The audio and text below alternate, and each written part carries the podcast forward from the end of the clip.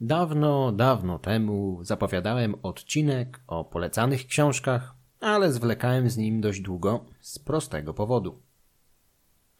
Po prostu dopiero teraz przeczytałem wystarczająco dużą część literatury poświęconej słowiańskim wierzeniom i mitologii, aby wreszcie móc cokolwiek takiego przygotować. Naturalnie nie jest to przegląd wszystkiego, co warto przejrzeć, i jeżeli nie wymieniam jakiejś pozycji, to nie dlatego, że nie traktuję jej poważnie. Po prostu nie zdążyłem się jeszcze z nią zaznajomić. Tworząc podcast, staram się opierać na literaturze faktu. Unikam wypowiadania się o jakości beletrystyki. Nie mam nic przeciwko powieściom wykorzystującym elementy dawnych, pogańskich wierzeń, czy nawet fantastyce tworzonej kompletnie w oparciu o światy wykreowane na ich podstawie. Jednak pewnym problemem, jaki dostrzegam na rynku, jest niejednokrotnie niemożliwość odróżnienia e, literatury faktu od beletrystyki, za co winę często ponoszą sami autorzy, którzy swoje fantazje próbują sprzedać jako pozycje naukowe bądź popularno-naukowe, bez zaznaczenia, że nimi nie są. Literaturę, o której będę mówił, możemy z grubsza podzielić na trzy gatunki. Pierwszym będzie beletrystyka, czyli wszelkiego rodzaju powieści, opowiadania, nowele, wiersze, słowem fikcja. Do następnej grupy zaliczymy literaturę popularno-naukową. To jest literaturę faktu, ale taką, która nie przeszła recenzji naukowej, rzadko używa specjalistycznego nazewnictwa czy terminologii, a tak zwany aparat naukowy, choćby w postaci przypisów, jest ograniczony do minimum bądź w ogóle nie występuje. Publikacje naukowe z kolei to takie, które przeszły recenzję naukową, a do tego zawierają wspomniany aparat naukowy, to jest przypisy, obszerną bibliografię bądź odnośniki do wykorzystanych źródeł. Będę starał się omawiać poszczególne książki, przyporządkowując je do poszczególnych szufladek. Swoją przygodę z mitologią zaczynałem, jak pewnie wielu z nas, od mitologii Słowian Aleksandra Geisztora, co było w pewnym sensie niefortunnym startem. Ciągle jest to prawdopodobnie najlepsza na rynku pozycja na ten temat, ale dla osób początkujących może stanowić poważną barierę ze względu na język oraz ogrom przekazywanych informacji, nie zawsze opatrzonych wyjaśnieniem. Nieprzeciętna erudycja Geisztora nie podlega żadnym dyskusjom, ale przeskakiwanie pomiędzy litaniami bogów hinduskich, rzymskich, chetyckich, celtyckich, bałtyckich czy od czasu do czasu słowiańskich może skończyć się zamętem. Szczególnie jeżeli wcześniej nie mieliśmy do czynienia z mitologią porównawczą i nie poznaliśmy tych wciąż dość egzotycznych dla nas systemów wierzeń. Geisztor w swojej rekonstrukcji mitologii Słowian stara się podążać szlakiem wyznaczonym przez Mircze Eliadego i Georgesa de Mezila, to jest porównując ze sobą indoeuropejskie systemy wierzeń, wierząc jednocześnie, że praktycznie wszędzie musiały występować podobieństwa pomiędzy ludami pochodzącymi z tej wspólnej grupy. Zabieg jest ciekawy i logiczny, ale rodzi kilka problemów. Po pierwsze, nie do końca wiadomo, ile elementów wierzeń Celtów, Bałtów czy Hindusów rzeczywiście można przenieść w celu porównania na płaszczyznę słowiańską. Etymologiczne rekonstrukcje nazewnictwa dawnych bogów, które mają pomóc rozszyfrować prawdziwą naturę teonimów takich jak Weles, Perepłód czy Strzybuk, prawie nigdy nie mogą dać jednoznacznej, bezdyskusyjnej odpowiedzi na pytania o ich pierwotny charakter. Najczęściej pozostajemy z kilkoma potencjalnymi ścieżkami, które możemy obrać. Kolejny problem dla początkującego czytelnika przy odbiorze książki Geisztora leży w doborze materiału porównawczego. Autor rzadko brał pod uwagę najbardziej znaną przeciętnemu czytelnikowi mitologię grecką, ponieważ Hellenowie byli jednym z tych ludów indoeuropejskich, które dość szybko wyrwały się z wspólnego dla całej grupy wierzeniowego kieratu. Bliskość cywilizacji Mezopotamii, Palestyny czy Egiptu zaowocowała w ich religii mnóstwem zapożyczeń z tamtych regionów zamieszkanych przez ludność nieindoeuropejską. Autor rzadko odwołuje się do powszechnie znanych teonimów greckich jak Zeus, Hera, Afrodyta czy Atena.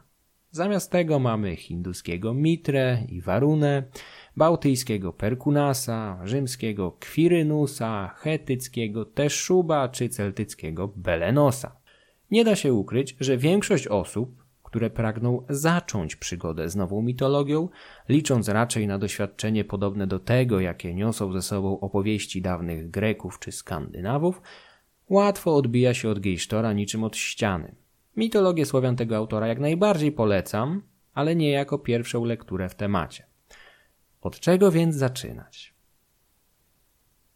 Charakter słowiańskiej mitologii czyni bardzo trudnym przedsięwzięcie stworzenia przystępnej książki popularno-naukowej, zachowującej jednocześnie wysoką wartość merytoryczną. Tak naprawdę do każdej interpretacji można się w jakiś sposób przyczepić, spróbować ją podważyć czy wyśmiać. Pomimo tego moim czempionem w tej kategorii nieodmiennie od kilku lat jest Religia Słowian Andrzeja Szyjewskiego. Książkę często określa się mianem gejsztora dla normalnych ludzi. I w pewnym sensie jest to prawda. Autor podpisuje się pod większością teorii gejsztora, jednocześnie rozwijając niektóre. Atutem publikacji jest jednak przystępny styl i pochylenie się nad mniej doświadczonym czytelnikiem. Andrzej Szyjewski niejednokrotnie tłumaczy rzeczy, które autor mitologii Słowian uważa za pewnik, który każdy jego czytelnik znać powinien. Stąd u obu autorów dowiemy się o kosmologicznym micie wyłowienia, ale to Szyjewski wyjaśni nam łopatologicznie, dlaczego do stworzenia świata potrzeba dwóch współpracujących ze sobą istot wodnej i powietrznej. Co je dzieli? Jakie są ich ograniczenia? Dlaczego Pan Nieba nie stworzył świata sam? Podobnie znacznie łatwiej będzie nam zrozumieć kwestię domniemanego dualizmu czy symboliki wierzeń otaczających śmierć i zaświaty u Słowian z drugiej wymienionej przeze mnie książki. Zawsze polecam religię Słowian na początek. Z poznanych przeze mnie jest w tej kategorii po prostu najlepsza. Tym bardziej dziwi mnie brak wznowień tej pozycji pomimo upływu 20 lat od pierwszego wydania i licznych pozytywnych recenzji. Zwłaszcza, że tak jak wspomniałem, na rynku wyraźnie brakuje przystępnych publikacji popularno-naukowych wyjaśniających tę tematykę na wysokim poziomie merytorycznym. W tej chwili książkę Szyjewskiego znacznie łatwiej znaleźć w jakiejś miejskiej bibliotece, aniżeli kupić w antykwariacie czy na Allegro. Zanim przejdziemy do cięższej literatury, chciałbym się nieco zatrzymać przy lżejszych publikacjach. Kilka lat temu ukazała się na rynku mitologia słowiańska Jakuba Bobrowskiego i Mateusza Wrony, która szczególnie dzięki wersji audio stała się bardzo popularna, a dla wielu osób była pierwszym punktem kontaktu z tą tematyką. Książkę słuchałem jako audiobook, całkiem przyjemna lektura, jeżeli nastawimy się na opowiadanie w nurcie fantazy. Autorzy podkreślają, że ich książka nie ma charakteru naukowego, ale jest oparta na szczegółowych badaniach materiału etnograficznego i lingwistycznego, który starali się dopracować w takiej formie, aby można było stworzyć na nowo nieistniejące mity słowiańskie takimi, jakimi mogły być. Sukces jest moim zdaniem połowiczny. Niejednokrotnie w treści natrafiałem na ślady literatury naukowej, z której korzystali autorzy. Ciągle jest to jednak beletrystyka i w tej kategorii publikacja powinna być reklamowana. Natomiast nie sprawdza się to jako podręcznik czy wprowadzenie do mitologii słowiańskiej. Opowiadania są lekkie, barwne. W wersji audio ze świetnym lektorem słuchanie ich to sama przyjemność, ale to fantazja, fikcja literacka. Niejednokrotnie dostaję zapytania o książki kilku innych panów. Pierwszym jest Tomasz Kosiński, znany z licznych publikacji dotykających rodowodu, religii, wierzeń, historii, a ostatnio nawet erotyki Słowian. Zainteresowany dużą ilością komentarzy określających jego publikacje jako, delikatnie mówiąc, kontrowersyjne, nabyłem w końcu w antykwariacie i przeczytałem jedną z nich pod tytułem Rodowód Słowian. Pozostałe książki o wierzeniach i religii jedynie przejrzałem. Także nie będę się na ich temat wypowiadał w ogóle, bo nie mam podstaw. Wydatek 11 zł na rodowód Słowian, poniesiony w internetowym antykwariacie, nie uważam za stracony. Zabawa była przednia. Z publikacji tego pana dowiedziałem się m.in., że starożytni Spartanie pochodzili od Lechitów, ponieważ antyczna nazwa ich kraju to przecież Lakonia, a to zniekształcona Lachonia, czyli kraina Lachów. Żeby uniknąć oskarżeń o bezpodstawny hejt, zacytuję fragment ze strony 242 rodowodu Słowian. Cytuję. Spartanie to też prasłowiańscy bohaterowie, którzy pochodzą od naddunajskich Dorów. Sparta dawniej była Lachonią, a więc krajem Lachów. Koniec cytatu. Tak to jest autentyczny fragment. Dalej, na stronie 252 dowiemy się, że hebrajskie Betlejem, w którym na świat miał przyjść Jezus, to Betlechem, czyli dom chleba.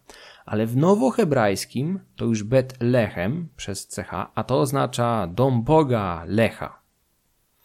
Brnąc dalej, na stronie 204 dowiedziałem się, że leżący pomiędzy Austrią i Szwajcarią mały kraj o nazwie Liechtenstein to tak naprawdę być może lechicki kamień.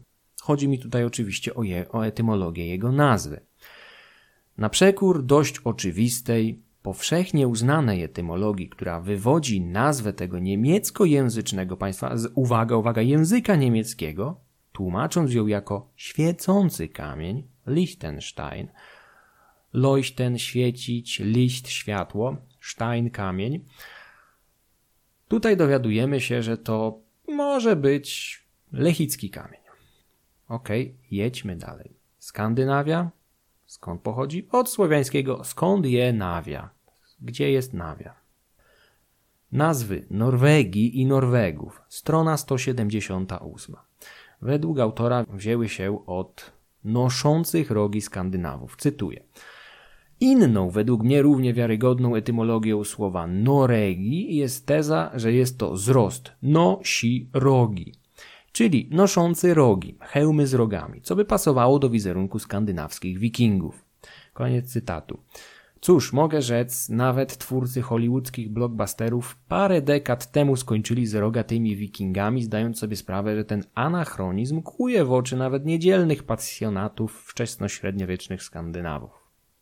Poza tym dzięki lekturze rodowodu Słowian dostąpiłem wątpliwego szczęścia zapoznania się z przeglądem teorii o pozaziemskiej genezie ludzi oraz o pochodzeniu niemal wszystkich antycznych cywilizacji europejskich, przynajmniej tych na północy Europy, szczególnie północ, zachód, wschód, oczywiście powyżej Morza Śródziemnego, od, a jakżeby inaczej Słowian. Choć z drugiej strony przecież Spartanie też pochodzili od Słowian, bo to przecież Lakonia, Lachonia. No. Takich przykładów mógłbym wymienić dziesiątki. Książki tego autora stawiam na jednej półce z publikacjami Janusza Bieszka, którego, a jakżeby inaczej, Tomasz Kosiński wymienia w bibliografii rodowodu Słowian. Obaj panowie mają swoich zatwardziałych zwolenników, jak i zaprzysięgłych hejterów negatywnie oceniających wszystkie ich książki, często nawet bez czytania. Nie należę ani do pierwszych, ani do drugich. Przeczytałem po jednej od każdego z nich nie zachęcają mnie w żadnym stopniu do sięgania po kolejne. Prace te charakteryzują się przede wszystkim brakiem oparcia w materiałach poważnych badaczy, szczególnie w kwestiach lingwistycznych. Modus operandi obu autorów opiera się często na założeniu, że do udowodnienia ich teorii o istnieniu jakiegoś pansłowiańskiego, pralechickiego imperium należy wziąć jakikolwiek wyraz obcojęzyczny, a potem poprzez skojarzenie z wyrazem polskim udowodnić jego prapolską albo chociaż prasłowiańską genezę. Stąd właśnie spartańska Lakonia to lechicka Lachonia. Liechtenstein to lechicki kamień. Stąd już tylko krok do ogłoszenia światu, że prasłowianie byli wszędzie, a naukowy mainstream ukrywa ten fakt z nikczemnych pobudek. Bo przecież w słowiańskich królach Lechi Janusza Bieszka dowiemy się, że Słowianami byli Scytowie, Hunowie, Goci, jeszcze pewnie parę innych ludów. Na poparcie tych teorii w dużej części służą autorowi źródła z internetu. Na moje oko około 40% bibliografii w wyżej wymienionej książce odsyła nas do czeluści internetu, Wikipedii czy YouTube'a. Nawet bez podawania linków, chociaż w kilka lat po wydaniu książki i tak większość z nich dawno by już zniknęła.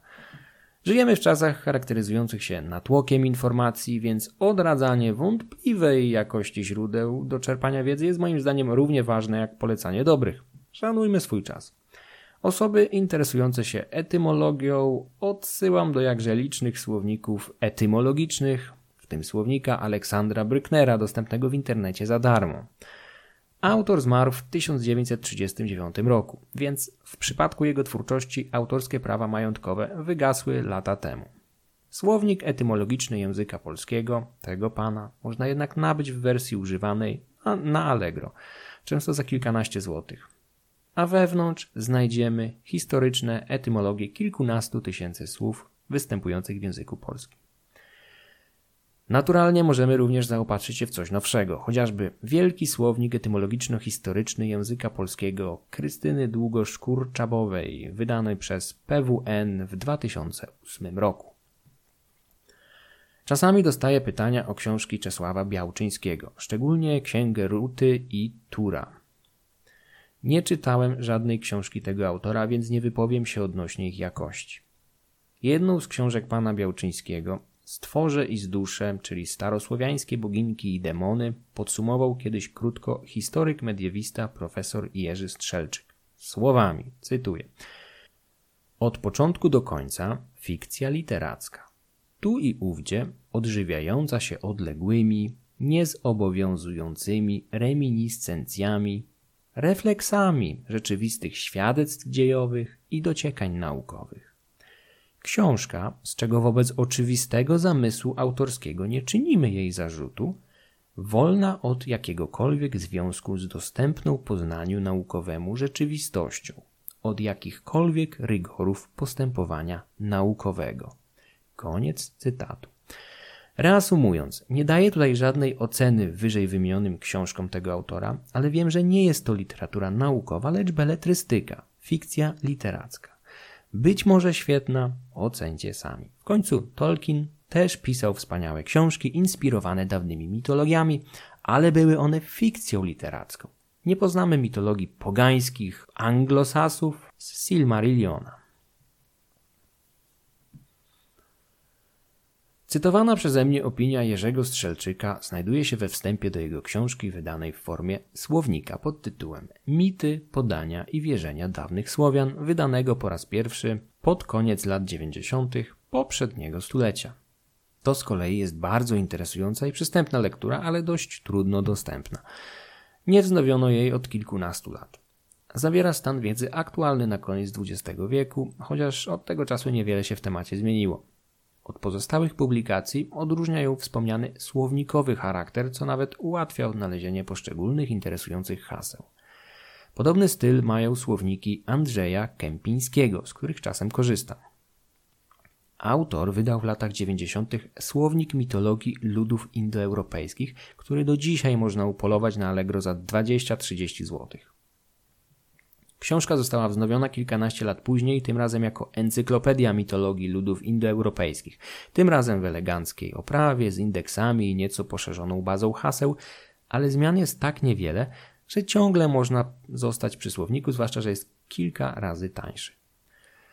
Jest to praca unikalna, nie tylko w skali Polski. Podobne publikacje skupiające się jedynie na mitologii ludów indoeuropejskich pojawiają się rzadko również za granicą. Oczywiście ktoś mógłby się w tym momencie zapytać, po co kupować jakiś słownik, skoro mamy Wikipedię i w ogóle internet. Odpowiedź jest prosta.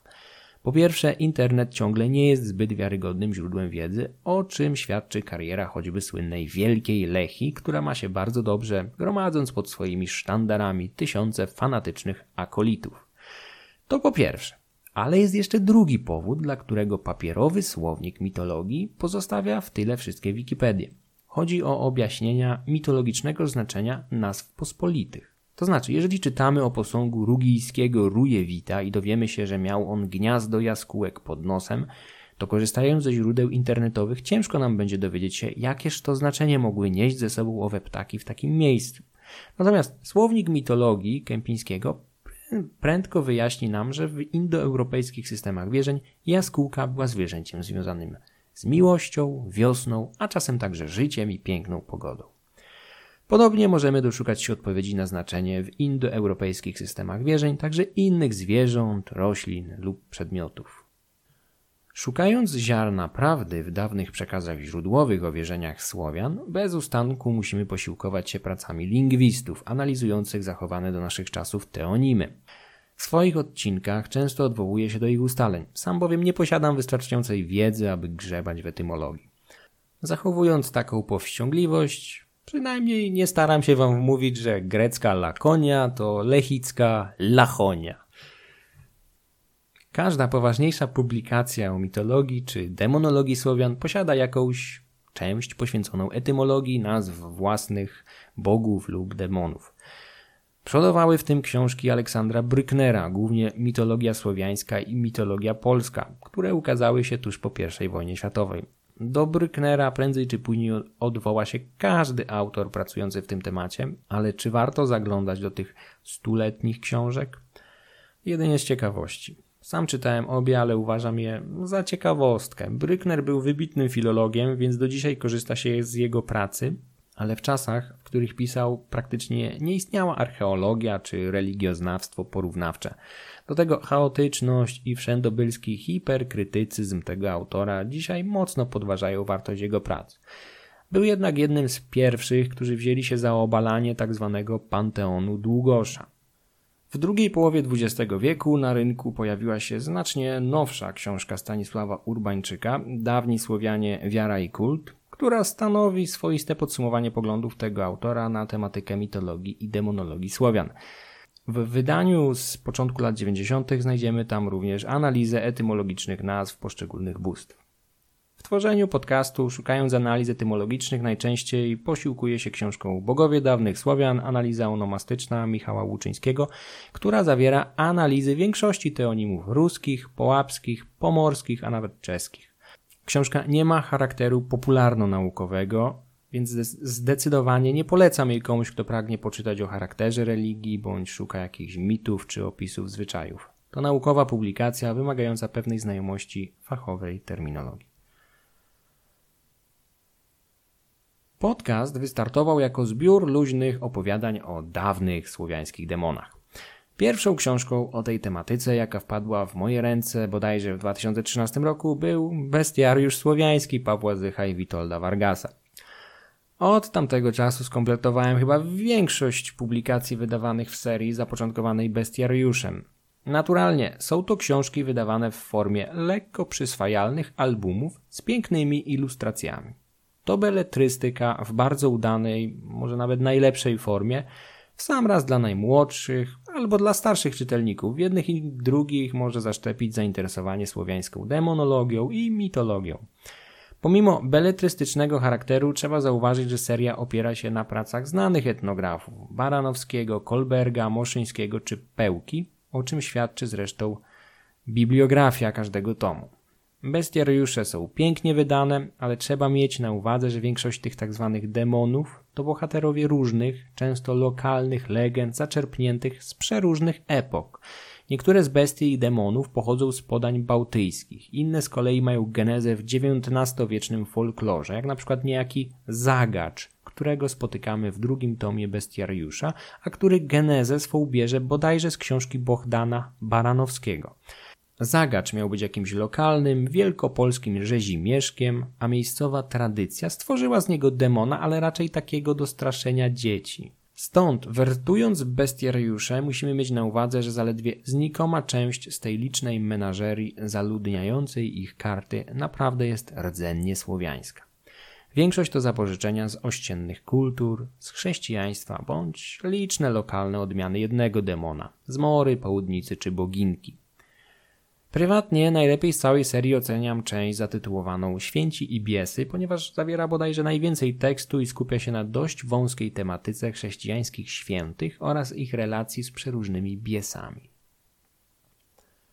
Osobom pragnącym wejść głębiej w tematykę demonologii polecam pracę Bohdana Baranowskiego, Leonarda Pełki i Kazimierza Moszyńskiego.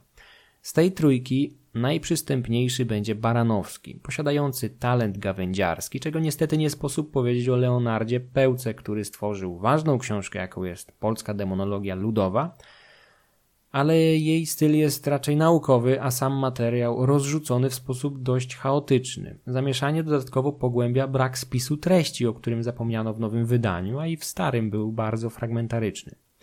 Niemniej, jeżeli ktoś bardzo chce poznać u źródła te wszystkie liczne biesy, czarty i demony, jakie zaludniają karty wspomnianych wcześniej książek wydawnictwa Bosch, to Pełka, Baranowski i Moszyński będą niezbędni. Ważnym elementem w rekonstruowaniu dawnych wierzeń były prace terenowe prowadzone przez etnografów, głównie w XIX i na początku XX wieku. Wspomniani wcześniej trzej panowie Pełka, Baranowski i Moszyński zdobywali swoją wiedzę właśnie w ten sposób. Ale trzeba mieć na uwadze, że pracowali wśród ludzi, którzy byli już od setek lat przynajmniej powierzchownie schrystianizowani, a nie bez znaczenia w ich przesądach i legendach były również naleciałości z ościennych kultur, głównie niemieckiej. Najlepszą pracą starającą się zachować kulturę materialną i duchową dawnej ludowej słowiańszczyzny jest Kultura ludowa Słowian autorstwa Kazimierza Moszyńskiego. Trzytomowe dzieło, często tłumaczone i wydawane za granicą, w którym autor zdołał swoistym rzutem na taśmę zachować przed zagładą dawne tradycje i zwyczaje. Twórczość Moszyńskiego to opasłe tomiska. Jeżeli ktoś chciałby znaleźć jakąś krótszą alternatywę, to z pewnością godną polecenia pozycją jest Drzewo Życia, ludowa wizja świata i człowieka Ryszarda i Joanny Tomickich. Krótka, zgrabna książeczka przybliżająca sposób myślenia, jaki zachował się wśród prostego ludu, a który zdaniem autorów niósł w sobie spore ilości tradycji przedchrześcijańskiej. Wydaje mi się i nie jestem w tym odosobniony, że autorzy dość daleko idą w swoich interpretacjach oraz wnioskach wysuwanych odnośnie istniejącego w dawnych wierzeniach antagonizmu między smokami a żmijami. Pomimo tego książkę świetnie się czyta, chociaż nieco trudniej ją dostać, gdyż nie była wznawiana od pierwszego wydania w 1975 roku. Słyszałem kiedyś, że przeciętny człowiek uważa się za eksperta w jakiejkolwiek dziedzinie, jeżeli przeczyta jedną bądź wszystkie książki, jakie w jej obrębie wydano. Jeżeli zaś przeczyta więcej aniżeli jedną, ale jeszcze nie wszystkie, to traci tę pewność. Szukanie informacji o wierzeniach dawnych Słowian uświadcza mnie w przekonaniu, że jest bardzo dużo prawdy w tym twierdzeniu. Jak już wspominałem, zaczynałem swoją przygodę z mitologią słowiańską od mitologii Słowian Gejsztora, idąc dalej publikacjami tworzonymi głównie przez jego następców. Tym większym zaskoczeniem była dla mnie religia Słowian i jej upadek Henryka Łowmiańskiego, wydana jakieś trzy lata przed książką Gejsztora i znacznie mniej znana. Do Henryka Łowmiańskiego odwołuje się często, zwłaszcza przygotowując jakieś odcinki zahaczające o historię, ponieważ był jednym z najwybitniejszych polskich mediewistów XX wieku i nawet pomimo częściowej dezaktualizacji licznych jego teorii odnośnie najczęściej autochtonizmu Słowian, jego książki ciągle są pełne bardzo wartościowych informacji. Nie inaczej jest z religią Słowian, która jest równie ciężką lekturą jak praca Gejsztora, ale stoi po przeciwnej stronie barykady. Łowmiański wychodzi z założenia, że nie jesteśmy w stanie odtworzyć tej religii z braku źródeł. Zwraca uwagę na liczne naleciałości chrześcijańskie już w kultach połapskich, a niejednokrotnie temperuje hurra optymizm ludzi wierzących bezgranicznie w metodę Gejsztora, zakładającą wyciąganie wniosków na zasadzie porównywania religii. Prywatnie bardziej skłaniam się ku czemuś, co nazwałbym szkołą Gejsztora, ale poglądy Łowmiańskiego są nie tyle alternatywą, co przeciwwagą unaoczniającą słabe strony teorii tego pierwszego. Jak z wszystkimi dziedzinami wiedzy, warto zerknąć czasem na argumenty obu stron. Obecnie poglądy Łowmiańskiego są raczej odosobnione, a w podobnym tonie do niego wyraża się Dariusz Sikorski w religii dawnych Słowian. Bardzo dużo wartościowych publikacji o słowiańszczyźnie z okresu wczesnego średniowiecza publikuje wydawnictwo Triglav, które wydało m.in. Słowiańskie zaświaty Pawła Szczepanika oraz Mity, kult i rytuał Kamila Kajkowskiego. Ten drugi autor opublikował również z pomocą innego wydawnictwa inną książkę o przedchrześcijańskiej religii Pomorzan pod tytułem Obrzędowość religijna Pomorzan we wczesnym średniowieczu. Obie jego prace są oparte głównie na interpretacji materiału archeologicznego. Polecam je jak najbardziej, wykorzystywałem je w tworzeniu kilku odcinków. Godny uwagi jest również kult świętego Mikołaja na Rusi, autorstwa Borysa Uspieńskiego, który wykorzystałem przy tworzeniu dwóch odcinków, a w przyszłości powstanie jeszcze co najmniej jeden oparty na tej książce. Tytuł może wydawać się nie na miejscu, ale w rzeczywistości jest to książka o Welesie, prezentująca teorię, jakoby ten przedchrześcijański Bóg zachował się na Rusi w kulcie świętego Mikołaja. Przy okazji poznajemy mnóstwo różnych, często bardzo archaicznych wierzeń, jakie miały towarzyszyć temu Bogu. Dla osób zainteresowanych kwestiami kultu materialnego, a szczególnie świątyń i miejsc świętych, szczególnie ciekawą pozycją będzie Slavonic Pagan Sanctuaries Leszka Pawła Słupeckiego. Autor jest bardziej znany z książek o mitologii dawnych Skandynawów, ale napisał również tę wyśmienitą książkę o słowiańskich świątyniach, a także inną traktującą o wilkołactwie. Slavonic Pagan Sanctuaries została wydana po angielsku w 1994 roku i od tego czasu nie była wznawiana. Ale kilka lat temu, przy okazji kolejnego wydania innej książki tego autora o wyroczniach i wróżbach pogańskich Skandynawów, pojawiła się informacja, że i ta publikacja ma zostać wznowiona. I to po raz pierwszy po polsku. To było kilka lat temu, czy tak będzie, nie mam pojęcia. Byłoby warto, ponieważ książka wyróżnia się bardzo pozytywnie na tle innych pozycji. Mianowicie napisał ją historyk i archeolog, ale tak jak w przypadku innych publikacji tego pana, jest ona bardzo przystępna, przynajmniej moim zdaniem. Coś jak religia Słowian Andrzeja Szyjewskiego, tylko z większym naciskiem na materiał archeologiczny. No i póki co po angielsku. Odcinek o Radogoszczy niemal w całości oparłem na tej książce. Problemów z dobrą literaturą jest kilka. Po pierwsze, wiele tytułów jest trudno dostępnych, a na wznowienia można czekać i czekać. Po drugie, większość pozycji jest publikowana przez naukowców z myślą o innych naukowcach. Po części ta sama sytuacja występuje w tematyce etnogenezy Słowian bądź przedchrześcijańskich dziejów ziemi Polski. Przeciętnemu czytelnikowi trudno jest trafić na przystępną książkę, która stałaby jednocześnie na wysokim poziomie merytorycznym. Tę lukę wykorzystują różni mitomani i fantaści. Kolejnym problemem bywa czasem częściowa dezaktualizacja dawnych publikacji, które może i dałoby się wznowić, ale aktualizacja do obecnego stanu badań często kosztowałaby więcej czasu i pracy, aniżeli napisanie książki od nowa. Jakiś czas temu, po miesiącach poszukiwań, zdobyłem wreszcie swój egzemplarz mało znanej książki o słowiańskiej Rugi, Wyspa Słowiańskich Bogów Janisława Osięgłowskiego, wydana równo 50 lat temu, w 1971 roku. Popularno-naukowa pozycja, w wielu szczegółach ciągle bezkonkurencyjna, ponieważ o słowiańskiej średniowiecznej Rugi pisze się u nas niewiele, chyba że w kontekście upadku Arkony w 1168 roku. Pomimo tego całe rozdziały, szczególnie ten o etnogenezie Słowian, oparty na stanie wiedzy z lat 60., nadawałyby się do napisania od nowa. Chyba ostatnim, czwartym problemem jest wydawanie i sprzedawanie beletrystyki bądź czystej fantastyki jako literatury popularno-naukowej. Pomimo wyżej wymienionych problemów, jestem optymistą, tematyka poruszana w tym podcaście przeżywa obecnie renesans, pisze i publikuje się dużo więcej aniżeli kiedyś, nie zawsze jakoś nadąża za ilością, ale jest w czym wybierać. Podsumowując ten odcinek. Szczególnie polecam klasyczną książkę Andrzeja Szyjewskiego, idealną dla początkujących, dla których gejsztor jest zbyt twardym orzechem do zgryzienia. Zagadnienia etnograficzne ciekawie podejmują tomitcy w drzewie życia. W temacie demonologii zaś ciągle najlepsze wydają się książki Bohdana Baranowskiego i Leonarda Pełki. O świątyniach z kolei najwięcej pisał Leszek Paweł Słupecki w Slavonic Pagan Sanctuaries. Odradzam wszystkie książki, gdzie autorzy zbyt często odwołują się do Lechi, nieważne jak wielka by nie była. Jeżeli czytacie książkę, w której głównym zarzutem wobec oponentów, najczęściej reprezentowanych przez zepsuty świat nauki, jest filogermanizm, turbogermanizm bądź sprzedanie się za niemieckie granty, to znak, że tracicie czas i prawdopodobnie pieniądze, o ile nie korzystacie z bezpłatnych zasobów biblioteki.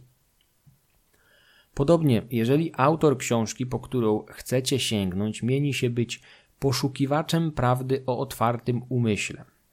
Moje doświadczenia przekonują mnie, że większość autorów, którzy określają się w ten sposób, to tylko kolejne mniej udane klony Ericha von Denikena. Z tym, że słynny Szwajcar przynajmniej miał lekkie pióro i ogólnie fajnie się go czytało w gimnazjum czy liceum, pomimo tych wszystkich wierutnych bzdur, jakie starał się sprzedawać. Jako nastolatek przeczytałem siedem książek von Denikena, które były dla mnie pewnego rodzaju startem do zainteresowania się archeologią. Naturalnie z jego teorii wyleczyłem się w dość młodym wieku. W ogóle książki pretendujące do bycia literaturą faktu, nieważne czy akademicką, czy popularno-naukową, powinny być jak filmy Stanleya Kubricka. Jeżeli widzieliście na przykład Barego Lyndona albo Odyseję Kosmiczną 2001. Pozbawione emocji, uniesień, nienawiści i epatowania tanimi skandalami rozspiskami.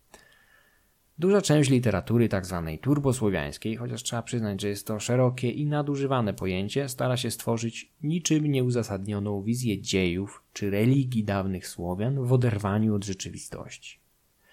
Do tego ich autorzy tworzą coś na kształt mitologii pokrzywdzonych, hodując sobie grupę wyznawców wierzących, że ktoś, najczęściej to Watykan, ewentualnie Niemcy bądź jacyś Semici, ukradli im historię. Nie idźmy tą drogą. Mam nadzieję, że ten odcinek tak odmienny od poprzednich, będzie w jakikolwiek sposób przydatny dla kogokolwiek z Was.